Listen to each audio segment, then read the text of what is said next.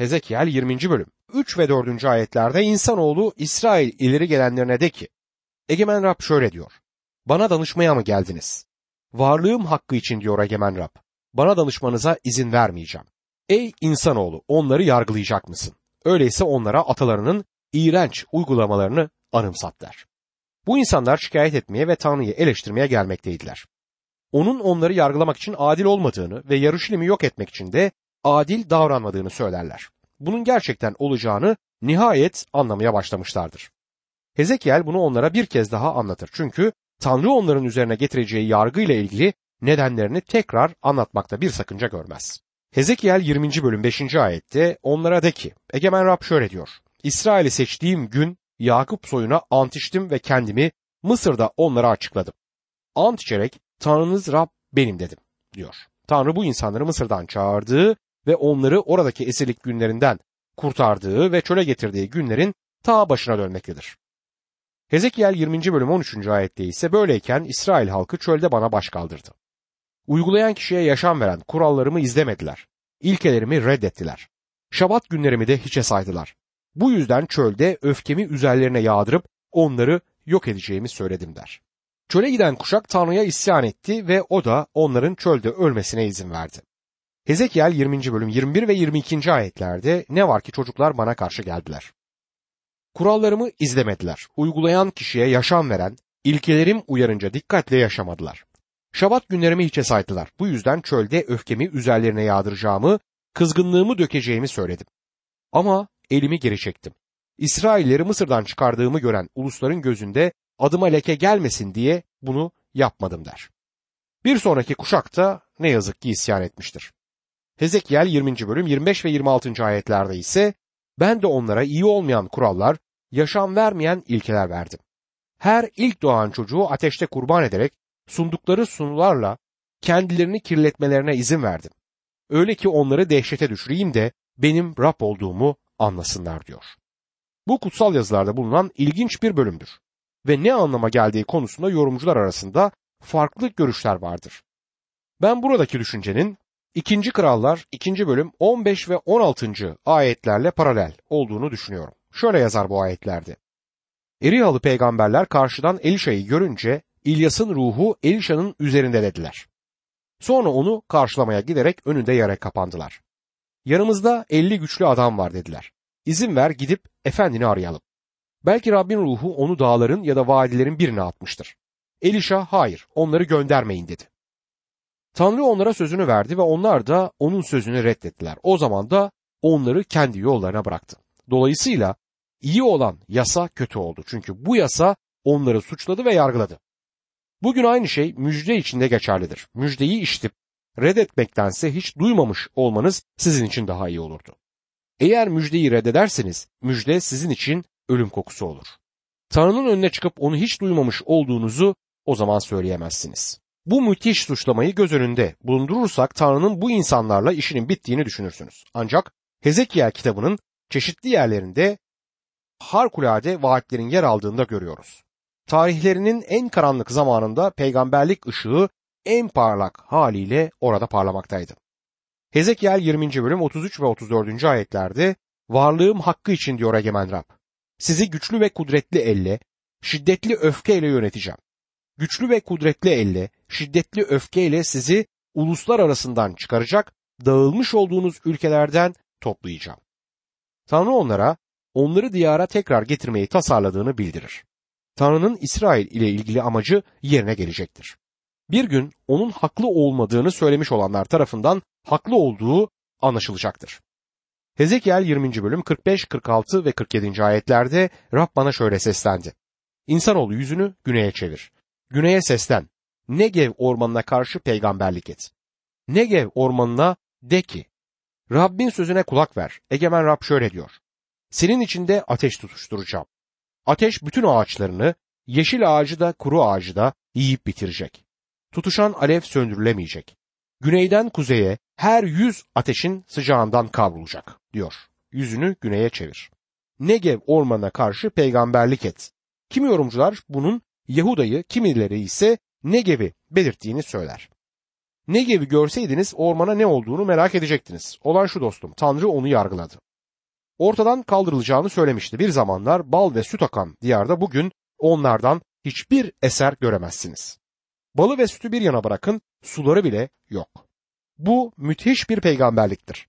Tanrı'nın bu insanlarla ve bu diyarla daha işi bitmemiştir. Hezekiel 21. bölüme göre Babil kralı Mesih gelinceye dek Davut soyundan gelen son kralı ortadan kaldıracaktır. Hezekiel kitabına çalışmak önemlidir çünkü bu kitap sık sık ihmal edilmiştir ve içinde yaşadığımız şu saatte onun mesajı son derece etkili ve geçerlidir. Hezekiel'in sözlerinin onlarca yıl önce söylenmiş olmasına karşın çok açıklıkla görülmektedir ki bu sözler Tanrı'nın sözüydü. Bana Rabbin şu sözü geldi diyor. Bunlar Rabbin sözü olduğu için bu sözler bugün de bulunduğumuz ülkede uygulanabilir. Bazı yanlış yorumcular, liberal yorumcular tıpkı vahiy kitabı gibi Hezekiel kitabının anlaşılamayacağını ve bizim için bir mesajının olmadığını savunmaktadır. Hezekiel'in görümleri müthiştir ve bu görümlerin yorumları üzerine son bir söz söylemek istemiyorum. Sadece saygı içinde durup merak ediyorum. Ancak burada Hezekiel'in anlaşılmasının zor olmadığını ve onun bizim için de uygulanabilir olduğunu içtenlikle söylemek isterim. 21. bölüm Hezekiel kitabının en önemli bölümlerinden birisidir. Babil kralının Mesih gelinceye kadar Davut soyundan gelen son kralı ortadan kaldıracağını açıkça belirtir. Hezekiel 21. bölüm yine Rab bana şöyle seslendi diye başlar. Hezekiel bunu bu bölümde üç kez tekrarlayacaktır. Sizin için yalnızca bir seçenek var. Ya bu sözleri Rabbin söylediğine inanır ya da Hezekiel'in yalan söylediğini düşünürsünüz. Ben bunu Rabbin söylediğine ve Hezekiel'in burada kendi görüşünü dile getirmediğine inanmaktayım. Hezekiel'in duygularının verdiği mesajı etkilediğini sanmıyorum. Yeremya duygularının etkisi altında kalmış ve bu ağzından çıkan her sözde yankılanmıştı. Ama bunun Hezekiel için geçerli olduğunu sanmıyorum. Hizmetinin ilk günlerinde yani Tanrı onu bu göreve çağırdığı zaman Tanrı Hezekiel'e onun asi bir halka sesleneceğini söylemişti. O zaman Tanrı Hezekiel'in kafasını onlarınkinden daha sert yapacağını da söyledi. Belki o sertlik katılık biraz da olsa yüreğine bulaştı ve bu şekilde bu insanlarla uğraşabildi. Aslında bu adamı bunun için sevebilirsiniz. Duyguları için içine girmiş olsaydı vermek zorunda kaldığı mesajların etkisinden kurtulamayacaktı. Hezekiel 21. bölüm 2 ve 3. ayetler şöyle der. Ey insanoğlu yüzünü Yaruşilim'e çevir. Kutsal yerlerine karşı konuş. İsrail ülkesine karşı peygamberlik et. Ona de ki, Rab şöyle diyor. Ben sana karşıyım. Kılıcımı kınından çıkaracak, içindeki doğru kişiyi de kötü kişiyi de kesip yok edeceğim. Yargı mutlaka olacaktır ve şimdi öyle görünüyor ki bu yargı kaçınılmazdır. Şimdiye kadar Tanrı'nın merhameti vardı ama şimdi yargı geliyor ve başka bir alternatifte görünmemektedir. Rab şöyle diyor, işte ben sana karşıyım. Yarışilim şehri ile ilgili olarak ilk kez bunu söylemiştir Tanrı. Senden doğruyu da kötüyü de kesip atacağım. Kulağa tuhaf geliyor değil mi? Doğrular kimler? Doğru olduklarını söyleyenler. Günümüzde bunlar kilise üyesi olup da kurtulmamış, ayinlere katılanlar, dindar olanlardır. Pek çok kimse günah yarasının üzerine dini bandı ya da sargıyı yapıştırır. Bu bandı çıkarıp yarayı açıp yarmalara gerekir. Yoksa bu yara onları öldürür. Kanserli bir yara gibidir ve kanserli bir yarayı sadece üstüne yara bantı yapıştırarak tedavi edemezsiniz. Günahı da dindarlaştırarak iyileştiremezsiniz. Tanrı şimdi kesip atıyorum. Kılıcımla giriyorum ve şehri mahvetmeyi tasarlıyorum der. Hezekiel 21. bölüm 4. ayette doğru kişiyi de kötü kişiyi de kesip yok etmek için kılıcım kınından çıkacak ve güneyden kuzeye herkese karşı olacak diye yazar. Kılıcını kınından çıkartacaktır. Ta güneyden kuzeye kadar bu kılıç gidecektir. Hezekiel 21. bölüm 5. ayette böylece herkes kılıcını kınından çıkaranın ben Rab olduğumu anlayacak. Onu bir daha yerine koymayacağım. Artık yerine dönmeyecek. Yargı zamanı geldi der. Hezekiel 21. bölüm 6 ve 7. ayetlerde sen ey insanoğlu inle onların gözü önünde ezik bir yürekle acı acı inle sana neden böyle inliyorsun diye sorduklarında yakında duyulacak haberden ötürü diye yanıtlayacaksın. Her yürek eriyecek, her el gevşeyecek, her ruh baygın düşecek. Her dizin bağı çözülecek. Evet, haber duyulacak. Bu kesinlikle yerine gelecek. Egemen Rab böyle diyor der. Tanrı burada Hezekiel'den bir şey yapmasını ister ve ben bu işte Hezekiel'in duygularının olup olmadığını söyleyemem. Bunu doğal bir şekilde yapmadı. Bunu yapmasını Tanrı söyledi. Bu nedenle kendine düşeni canlandırmıştır diyebilirim. Ancak bunu yaparken Tanrı'nın yüreğini göstermekteydi. Halk Hezekiel'in onlara benzetmeler vermesinden şikayetçiydi. Hezekiel 20. bölüm 49. ayette ve dedim ah ya Rab Yahve benim için onlar diyorlar. benzetmeleri söyleyen adam değil mi? Aslında onlar onun mesajını almıyoruz demektedir. Bu mesajı almak istemediler. Bir şeylerin yanlış gittiğini duymak istemiyorlardı. Bazen biz de Rab İsa'nın benzetmelerini anlamanın zor olduğunu düşünüyoruz. Ama değildir. Anlamak istersek anlaması hiç de zor değil. Onun zamanındaki dini liderler onun söylediklerini anladılar. Bu nedenle de ondan nefret ettiler. Onlara karşı olacak olan yargıdan söz ettiğini anlamışlardı. Hezekiel 21. bölüm 8. ayette Rab bana şöyle seslendi diyor. Mesajı almayanlar için Hezekiel bunu tekrarlar. Ve 9 ve 10. ayetlerde insanoğlu peygamberlik et ve de ki Rab şöyle diyor. Kılıç bilendi, cilalandı. Öldürmek için bilendi. Şimşek gibi çaksın diye cilalandı. Nasıl sevinebiliriz? Kılıç oğlumun asasını sıradan bir sopa gibi küçümsedi diyor. Tanrı şehri yargılayacaktır. Bu Yarışilim'i çok sevmiş olan Tanrı'nın ağzından çıkan korkunç bir sözcüktür. Rab İsa da Yarışilim için ağladı çünkü o şehri sevdi. Matta 23. bölüm 37 ve 38. ayetlerde Ey Yaruşilim!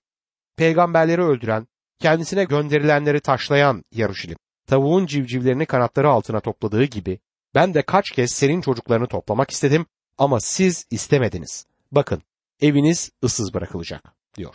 Bu yargının ne kadar korkunç olduğunu öğrenmek isterseniz Romalı Titus'un İsa'dan sonra 70 yılında geldiği zaman ne olduğunu okuyun. O şehri yerle bir etti. Tıpkı Hezekiel zamanında Nebukadnezer'in yapmak üzere olduğu gibi.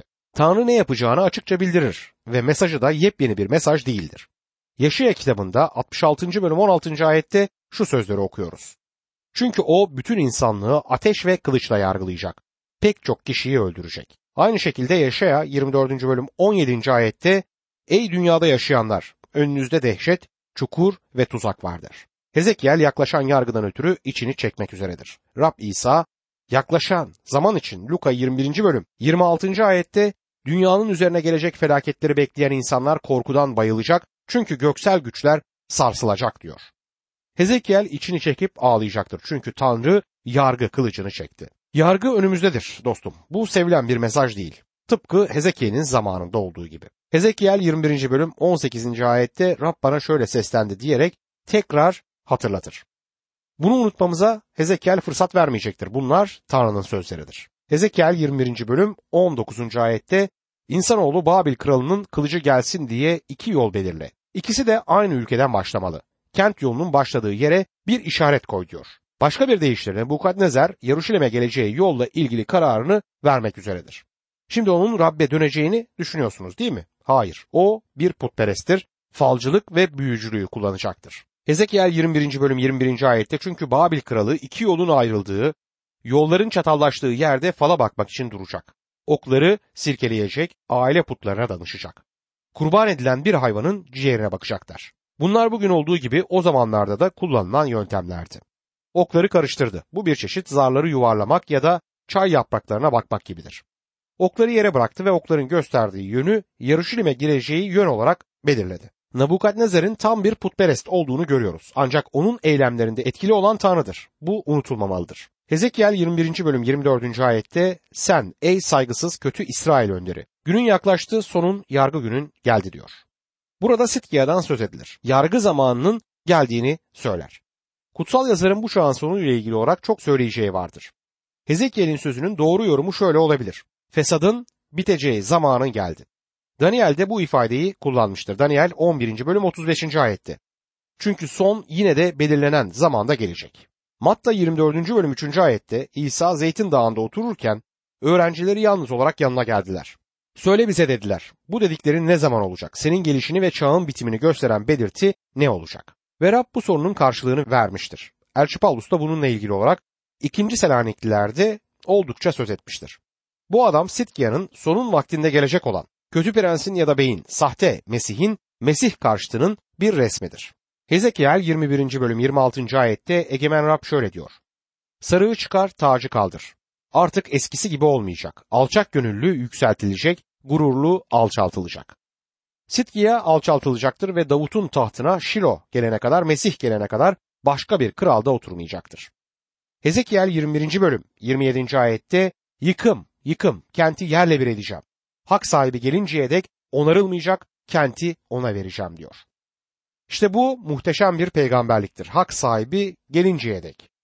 ve kenti ona vereceğim yani Rab İsa'ya. Sitkiya'dan Rab İsa'ya kadar tahta Davut soyundan gelen hiç kimse olmamıştır. Hezekiel kimsenin bunu yapamayacağını söyler. Bunu yapacak olan yalnızca Rab İsa'dır. O şimdi Tanrı'nın sağında oturuyor. Yeryüzüne egemenlik sürmek için geldiğinde düşmanlarının ayaklarına basamak yapılmasını bekliyor. Bu muhteşem peygamberlik yaratılışta Yakup'un 12 oğluyla ilgilidir ki onlar İsrail'in 12 oymağı oldular. Yaptığı peygamberliklerde bu başlamıştır. Yakup orada şöyle der. Yaratılış 49. bölüm 10. ayet. Sahibi gelene kadar krallık asası Yahuda'nın elinden çıkmayacak. Yönetim hep onun soyunda kalacak. Uluslar onun sözünü dinleyecek. Burada sahibi Şilo olarak da söylenebilir. Saltanat asası kralı belirtir. O gelene kadar İbranicesi Şilo sözcüğüne benzer. Bu da Rab İsa Mesih'ten söz eder. O kutsal yazılarda böyle tanıtılmaktaydı. Matta 3. bölüm 1 ve 2. ayetlerde o günlerde vaftizici Yahya Yahudiye çölünde ortaya çıktı. Şu çağrıyı yapıyordu. Tövbe edin göklerin egemenliği yaklaşmıştır. Neden? Çünkü gelinin kişiliğindeki bütün peygamberler de ondan söz etmiştir. Ne diyor? Yaklaşmıştır. Hezekiel 21. bölüm 29. ayette size ilişkin görümler aldatıcıdır. Açılan fal yalandır. Öldürülecek kötülerin enseleri üzerine yerleştirileceksin ey kılıç. Onların günü yaklaştı. Sonunda yargı günleri geldi der. Hezekiel Ammonların yargılanmasından söz eder ama biz yine sonunda yargı günleri geldi ifadesini görürüz. Bu ifadede bu çağın sonuna işaret etmektedir.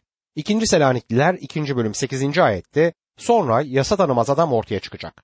Rab İsa onu ağzının soluğuyla öldürecek. Gelişinin görkemiyle yok edecekler. Rab İsa Mesih bu düşmanı son günlerde alt edecektir. Hezekiel 21. bölüm 31 ve 32. ayetlerde öfkemi üzerinize dökeceğim. Kızgınlığımı üzerinize üfleyeceğim. Acımasız adamların yakıp yok etmekte usta kişilerin eline teslim edeceğim sizi. Ateşe yakıt olacaksınız. Kanınız ülkenizin ortasına dökülecek. Bir daha anılmayacaksınız çünkü bunu ben Rab söylüyorum der. Hezekiel'in çağdaşları esir düşecektir. Onların çocukları İsrail diyarına geri dönecekti. 22, 23 ve 24. bölümlerle ilgili bir ön bilgiyi şimdi size aktarayım. İsrail ulusunun üzerine gelecek olan yargı ile ilgili son peygamberlikleri içeren bu bölümleri incelemeye devam ediyoruz. 20 ila 24. bölümler bunlardır. Başlangıçta Hezekiel'in mesajları sürgüne gönderilmiş olan ilk iki gruba yönlendirildi. Onlar Tanrı'nın tapınağı asla yok etmeyeceği inancını taşımaktaydılar. Tapınak onun kutsal yeriydi ve yüceliği oradaydı. Nebukadnezer'in ona dokunmasına Tanrı'nın izin vermeyeceğine inanmaktaydılar. Sahte peygamberler esir düşen bu grubu bu konuda yüreklendirdiler. Onların Tanrı'ya geri gelmelerine ya da putperestliklerinden ve diğer kötü yollarından vazgeçmelerine gerek olmadığını düşünmelerini sağladılar. Günümüzde sık sık olan ve dikkat etmemiz gereken son derece zekice yapılan bir durum vardır. Bugün birçok insan ölmeden önce methedilir ama özellikle cenazelerde bu yapılır. Tanrısız olmalarına karşın bazı vaizler onları övgü sözcükleriyle zorla bir nevi cennete itmektedirler. Bu konuda Tanrı'nın düşüncesine sahip değilsek insanlarla ilgili söylediklerimize dikkat etmemiz gerekir. Yoksa imanlı olmayan biri övülen kişiyle kendi iyiliğini kıyaslayabilir. O adamın nasıl bir günahkar olduğunu biliyorum diyebilir ve kurtarıcıya ihtiyacı olmadığı inancına sürüklenebilir. Bugün müjde ne yazık ki sık sık kutsallardan oluşan kalabalıklara verilirken kurtulmamış kişinin bulunduğu yer ve zamanda verilmez. Hatta bazen vaiz kalabalığı hoşnut etmek için mesajını ona göre de düzenler. Hezekiel'in zamanında da sahte peygamberlerin yaptığı buydu. Hezekiel bunu son peygamberliklerde daha da iyi dile getirecektir. 20. bölümde İsrail'in güneyindeki Negev ile ilgili peygamberlik vardı. O peygamberliklerde Tanrı ben senin içinde ateş tutuşturacağım dedi. O bölgede bulundum. Orası bomboş bir yerdir. Hiçbir bitki dahi yoktur. Tüm alanda kolumdan daha büyük bir ağacı görmedim. Oysa orada zamanında bir orman vardı ama Tanrı onu yargıladı ve işini de iyi yaptı. 21. bölümde Rab İsa gelinceye kadar Davut'un tahtında kimsenin oturmayacağına dair büyük bir peygamberlik bulunmaktadır. Melek Meryem'e ona babası Davut'un tahtını vereceğim derken işte bundan bahsediyordu. Gördüğünüz gibi Noel zamanında bile anlayışımızı derinleştirmesi için Hezekiel'i okuyabiliriz. Peygamberlerin verdiği geçmişle ilgili bilgiler günümüz için son derece önemli ve gereklidir. 22. bölüm Yeruşalim şehrinin iğrençliklerini sıralamaktadır. 1 ve 2. ayetlerde şöyle der. Rab bana şöyle seslendi.